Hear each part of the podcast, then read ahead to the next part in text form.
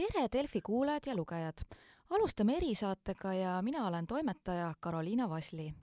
ja vaatame taas kord peale koroona olukorrale. siin viimastel nädalatel on palju muutusi olnud ja õnneks positiivses suunas. täna räägime täpsemalt olukorrast haiglates ja meiega koos on Terviseameti hädaolukorra meditsiinijuht Urmas Sula, tere hommikust! tere hommikust! Ja küsikski kohe viimaste andmete kohta, mis meile siis haiglate rindel pea, praegu otsa vaatab? no praegu jah, noh juba mõnda aega on eh, haiglarindel, kui nii-öelda siis olukord eh, niisugune kiirelt positiivne ja ei ole tänane hommik ka siin erandiks. et üle pika aja siis meil on alla viiesaja patsiendi Covid üheksateistkümnega haiglaravil, eh, täpsemalt siis nelisada kaheksakümmend üheksa ja nendest nelikümmend seitse patsienti on siis kolmanda astme intensiivravi osakondades ja neist kakskümmend viis patsienti vajavad eh, juhitavat hingamist.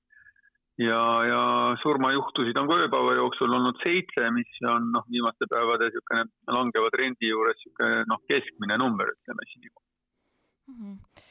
ja küsiks ka laiemalt, et kuidas meil siin Eesti tasandil läheb, et äh, mäletan ka siin natuke enam kui nädal tagasi väga palju oli meil juttu Lõuna-Eestist ja siin Põlvamaast, et äh, kas seal on ka olukord paremaks läinud? jah, numbrite järgi küll, et äh, kui vaadata üldhaigestumisnäitajaid, siis ainukene maakond, kus meil on veel neljateist päeva seisuga siis üle kahe, kahe tuhande siis nakatunu saja tuhande inimese kohta ongi Põlvamaa ja kõik teised eh, langevad väga, väga kiiresti selle madalama nakatumise tasemelt ja noh, näiteks Harjumaa, meie kõige suurem maakond on juba alla tuhande, mis on, on eh, siis ütleme viimaseid kuid arvestades ikkagi eh, niisugune väga hea number. ja see kuulus R on ka selgelt alla ühe seal kuskil isegi null koma kaheksa ringis, et see tegelikult näitab seda, et nakkus levib oluliselt aeglasemalt, kui ta oli siis siin mõned äh, kuud ja nädalad tagasi. ja see on kindlasti hästi hea uudis kõigile inimestele. kui mõelda ka ERR-i peale, jah, vahepeal ta siin kerkis hoogsalt, et kas praegune olukord on kuidagi ka nagu võrreldav, kui ajaratas tagasi kerida, ma ei tea, kas isegi seal suve alguse või muude perioodidega, et meil oli meil ka selline üsna stabiilne olukord ja ERR oli ka kõvasti alla ühe no see nakkuskordaja tegelikult sõltub hästi palju sellest, et milliselt baasilt, kas siis madalalt või kõrgelt me liigume kui ta noh, see on kiire, siis kas nakatumise langus, no see tegelikult ongi selle näitaja eh, või kiire kasv, et eh, siis, eh, siis noh, see R on suur või väike. Et noh, ta on selline hea näitaja, millega inimesed on harjunud võrdlema, aga võib-olla isegi lihtsam on vaadata seda üldhaigestumise numbrit, sest meil tegelikult siis Eh, diagnoosimine või ütleme siis see testimine on küllaltki stabiilsel tasemel. et see, see hommikune tuhat või alla selle, et see on inimeste jaoks hästi lihtsasti kättesaadav ja selgesti jälgitav. Aga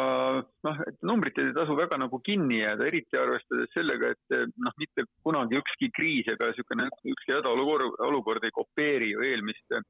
eelmist perioodi ja, ja täpselt samamoodi on nüüd ka see sügisene naine olnud et eh, ta tekkis selle foonilt, kui meil olid tegelikult juba noh, ütleme päris eh, kõrgel tasemel eh, vaktsineeritus ja ta tegelikult levis väga kiiresti, noh, me võime kõik rõõmustada tegelikult siis kaudselt selle üle, et meil ikkagi palju vaktsineeritud on, muidu oleks see sügisene laine olnud väga raskelt talutav kõigi inimeste jaoks. Ja, ja teine, mis iseloomustab, et tegelikult muutused on toimunud hästi kiiresti, et kui hakkas üldhaigestumine, siis tegelikult paralleelselt haiglaravi vajadus tekkis väga ruttu. Äh, ja nüüd ka siis, kui see üldhaigestumus on hakanud langema, siis tegelikult see haiglaravi vajaduse langus on olnud ka hästi-hästi kiire või hästi tekkinud hästi kiiresti. loogiline oleks, et võib-olla oleks pidanud nädal või, või peale nädala tekkima, aga ei, ta on praktiliselt samal ajal aset leidnud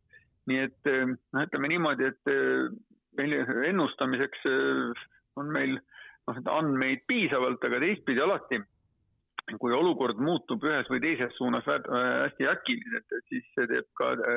tähelepanelikuks. et alati loodame kõik, et tulemused on just sellised nii positiivsed, kui nad täna paistavad, aga samal ajal on hästi oluline, et inimesed nüüd oma riskikäitumist ei muudaks, et see võib anda tagurpidi efekti jah, kõrvalt olen ka kuulnud, et paljud inimesed ka juba ütlevad, et ah, et ega meil ei olegi neid, võib-olla neid piiranguid enam vaja, et äh, kaotame sellised kellaajalised täituvuspiirangud ja muud ära, et ega seda ka väga kergekäeliselt ei saa teha ilmselt, et no kindlasti mitte, sest et noh, mina ise olen või noh, võrdlenud seda olukorda ikkagi siis selle noore, nooreks autojuhiks olekuga, et, et kõige risk, suurem risk ei ole mitte sellel hetkel, kui me saame juhiloa kätte ja läheme autorooli, loomulikult me oleme siis veel kogenematud, aga me oleme ka ettevaatlikud. et kõige suurem riskihetk saabub sellest hetkest, kui meil noore autojuhina tundub, et nüüd ma oskan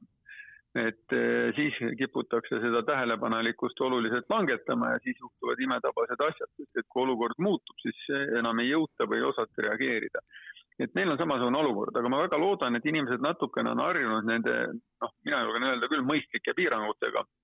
mis meil eh, ühiskonnas on tehtud ja, ja, ja kui me noh, samamoodi edasi läheme, siis noh, lootus, et saaks mitte ainult valgeid jõule, vaid ka niisuguseid jõule, kus natukene seltskondlikkust on sees, et ma arvan, see on kõigi jaoks piisavalt motiveeriv. ma loodan, et me hakkame või anname ikkagi sarnase panuse eh, jätkuvalt kõrvalt mulle tundub ka, et võib-olla ka niisugune tõhustusdooside selline hoogustumine ja kättesaadavus, et see võib olla ka natuke tõukaks olnud, et paljud, kellel tõesti seal AstraZeneca oli väga kaugest ajast all, et on nüüd saanud selle tõhustusdoosi ja on ikkagi ka riskivabamas, et, et see võib olla ka selliseks abikäeks nii-öelda praegu no kindlasti, et vaktsineeritus on ikkagi, noh, me räägime küll siin juba paljudest uutest ravimitest ja kõigest, mis selle Covidi siis vastu võitlusega noh, vääramatult kaasas käib, aga kõige olulisem ikkagi on kogukondlik või ütleme, et riigi tasemel vaktsineerimine. ja see vaktsineerimine loomulikult tähendab seda, et mitte ainult eh, siis nende inimeste hulk, kes on esimese vaktsiinisüsti saanud, mis on tegelikult niisugune mm, kõige selgem indikaator ja isegi mitte see, et, et kes on täisvaktsineeritud, vaid see, et me oleme nüüd järjepidevad. selge on see, et, et noh, praegused vaktsiinid, me kõik omandame üle maailma niisugust noh, ütleme rahvastevahelist või, või ütleme üldkogukondlikku kogemust ja see näitab selgelt seda, et eh, see vaktsineeritus vajab ka täiendavaid ja tõhustusdoose erinevatel inimestel erineval ajal ja see eh, on Eestis tegelikult eh, noh, ütleme käivitunud isegi seda, enne seda, kui meil juba noh, ütleme riigi tasemel volitused käes olema. et need inimesed, kes saavad aru, et vaktsineerimine on oluline mitte ainult neile, vaid kõigile teistele inimestele on tegelikult kogu aeg seda vaktsineerimist siis toetanud, teisi inimesi nõustanud ja näidanud ka eestvedamist, et äh, siit, siit ka siis tegelikult selle tõhustusdooside aktiivne kasutamine kui, aga meil on siin ka olnud jah äh, juttu positiivsest arengutest, aga mis on ka need ohukohad, mida me peaksin lähiajal, isegi lähikuudel jälgima, et kust võib tulla jälle selline sütik, et läheb jälle ikkagi midagi käest ära? No praegu ikkagi kõige olulisem koht täna, noh, loomulikult on hästi oluline see, et, et noh, koolides ja sellistes kohtades, kus palju inimesi aktiivselt suhtleb ja koos käib, noh, see puudutab kaubanduskeskusi ja, ja nii edasi, nii edasi. et seal me järgiksime tänaseid reegleid ja, ja paralleelselt siis loomulikult vaktsineerimine, vaktsineerimine. et kui neid kahte asja siis arvestame ja siia panustame, siis see on kindlasti õige tegu teine pool, kus meil ikkagi niisugune viitsütikuga pomm istub, on see, et, et meil tegelikult hoolekandeasutustes õnneks on paljud hoole, väga paljud hoolekandeasutuse inimesed vaktsineeritud, aga siiski hoolekandeasutuses, kus on kõige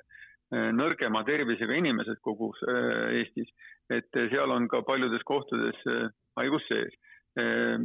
praegu oleme saanud seda hästi kontrollida, et hoolekandeasutuse inimesed on väga tublid olnud, et on seda haigust suutnud siis piirata, kontrollida ja neid inimesi aidata ravida, kes põevad. Aga eh, kui, kuna hetkel ikkagi koldeid on jätkuvalt eh, arvestatavas hulgas, siis eh, noh, et siin me peame olema hästi tähelepanelik edasi, et, et üks hoolekandeasutuse kolle võib tekitada tegelikult väga suure haiglaravi vajaduse kasvu, mida me kindlasti ei taha. aga noh, haiglaravi vajaduse kasv on sekundaarne, et, et primaarne on ikkagi see, et inimeste tervis ja elu on, on sel juhul ohuks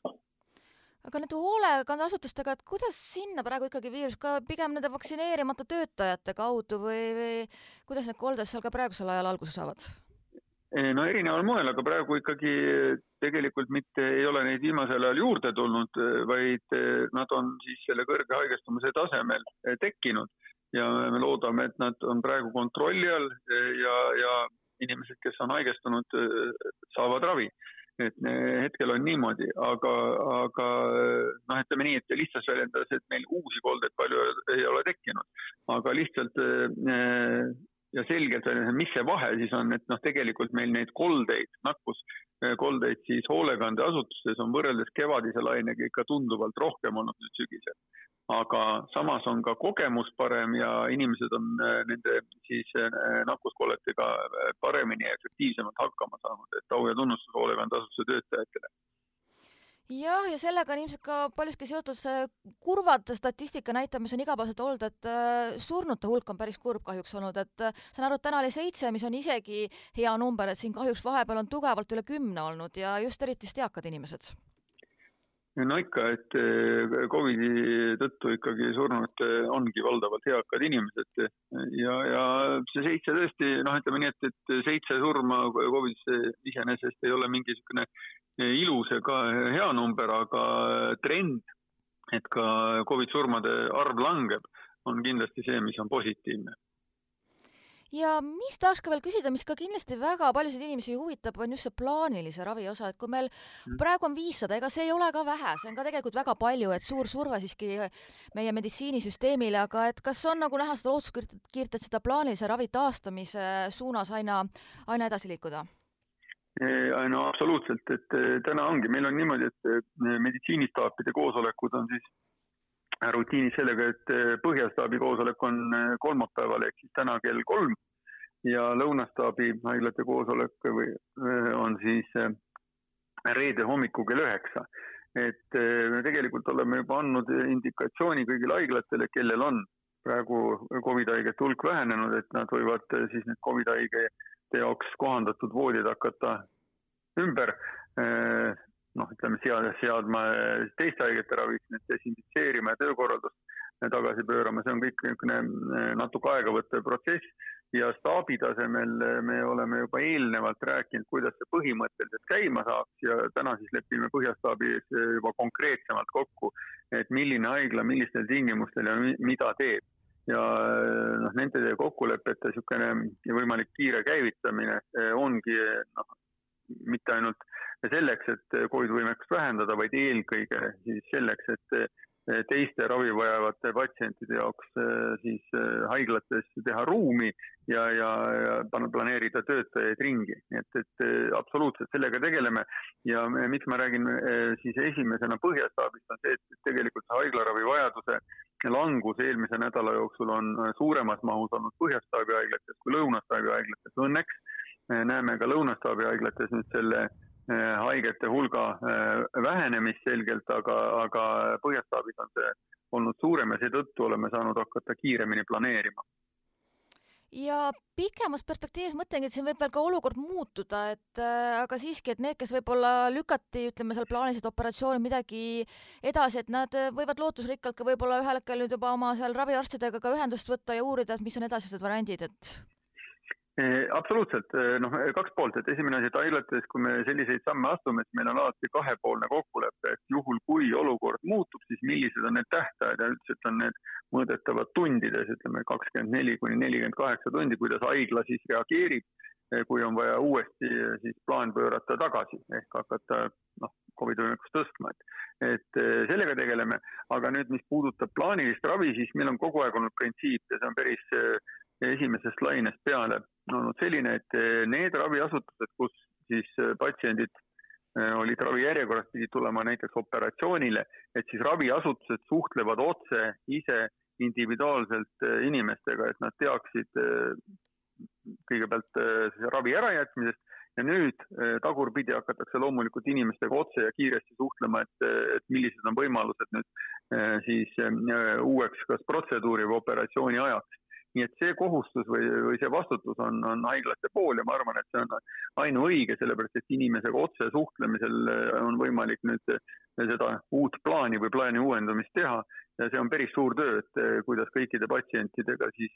niimoodi kokku leppida, et, et arvestades siis haiglate siis täienevat või, või taastuvat võimekust ja patsientide isiklikku elukava et, et kuidas need asjad paika saada, et sellega praegu tegeleme siin äh, meediast on ka viimastel kuudel väga palju saanud äh, lugeda just sellega meditsiinipersonali ja et kas ikka töö, kuidas selle tööjõuga on ja inimestega stressitase ja võimekus praegu teha, et kuidas sel rindel praegu olukord on, et on siin ka nagu roteeruvalt ka võib-olla töötajad ümber jagatud, kus piirkondades on rohkem vaja ja haiglate vahel ja et äh, kuidas sellega olukord? Jah, et loomulikult selles olukorras, kus pead uuesti ja, ja taaskord hakkama siis tööd korraldama Äh, ümber haiglates suuremahuliseks nakkushaigete raviks, et see on kindlasti inimeste jaoks stressi tekitav. paljud inimesed on tegelikult nendes Covid tsoonides töötanud juba ju noh, üle pooleteist aasta. et, ähm, et äh, no see on stressi tekitav, aga tegelikult on päris hästi saanud raviasutused ja inimesed sellega hakkama, et äh, on aidanud seda nii Tartu Ülikooli arstiteaduskonna tudengid, Tallinna ja Tartu tervishoiukõrgkoolide tudengid andnud oma panuse, ka kaitseväe eh, parameedikud, ehk tegelikult me oleme saanud eh, ka vabatahtlikku abi, et eh, inimesed on erineval moel ja päris suuresti panustanud. Ja ma arvan, et, et noh, arvestades selle noh, püsiva keerulise tööstressiga, mis nendes osakondades on, et see on füüsiliselt ja emotsionaalselt väsitav töö. et siis ma arvan, et tänaseks julgen öelda, et olen päris hästi hakkama saanud, et see, et mõned väiksed pinged tekivad, et selles olukorras on, on noh, vääramatu, seda ikka juhtub, aga, aga noh, ma loodan, et nüüd me saame jälle inimeste jaoks niisugust positiivset sõnumit levitada, et, et olukord on, on muutumas ja tervishoiutöötaja jaoks üks väga oluline aspekt on, on olnud ja, ja kindlasti jätkuvalt on, et eh, nähakse, eh, et nende tööst peetakse lugu, seda tunnustatakse väljastpoolt ja teine pool on see, et, et ka inimesed ise eh, pingutavad ja panustavad, ehk siis tegelikult püüavad seda nakkuse levikut pidurdada. ja seda ma küll noh, näen juba viimased nädalad või noh, natuke pikemalt võiks öelda, et, et Eesti inimestel niisugune hoiak, isiklik hoiak Eh, siis eh, nakkusega võitlemiseks on, on eh, muutunud noh, hoiakuna positiivseks, mis tegelikult nakkuse leviku jaoks on negatiivne ja see omakorda jälle on meie jaoks positiivne, nii et inimesed praegu on näidanud seda, et nad peavad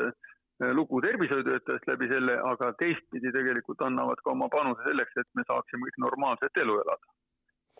ja ma arvan, et selle positiivse noodiga tõmbas ka saatele joone alla ja igal juhul aitäh ja loodetavasti langustrend meil jätkub ja eks igaüks meist saab sellesse ka panustada. just, et eh, ma arvan, et kõigi panus on oluline ja, ja lootus on see, mis meid kõiki koos elus hoiab, nii et loodame. suur aitäh teile! ja palun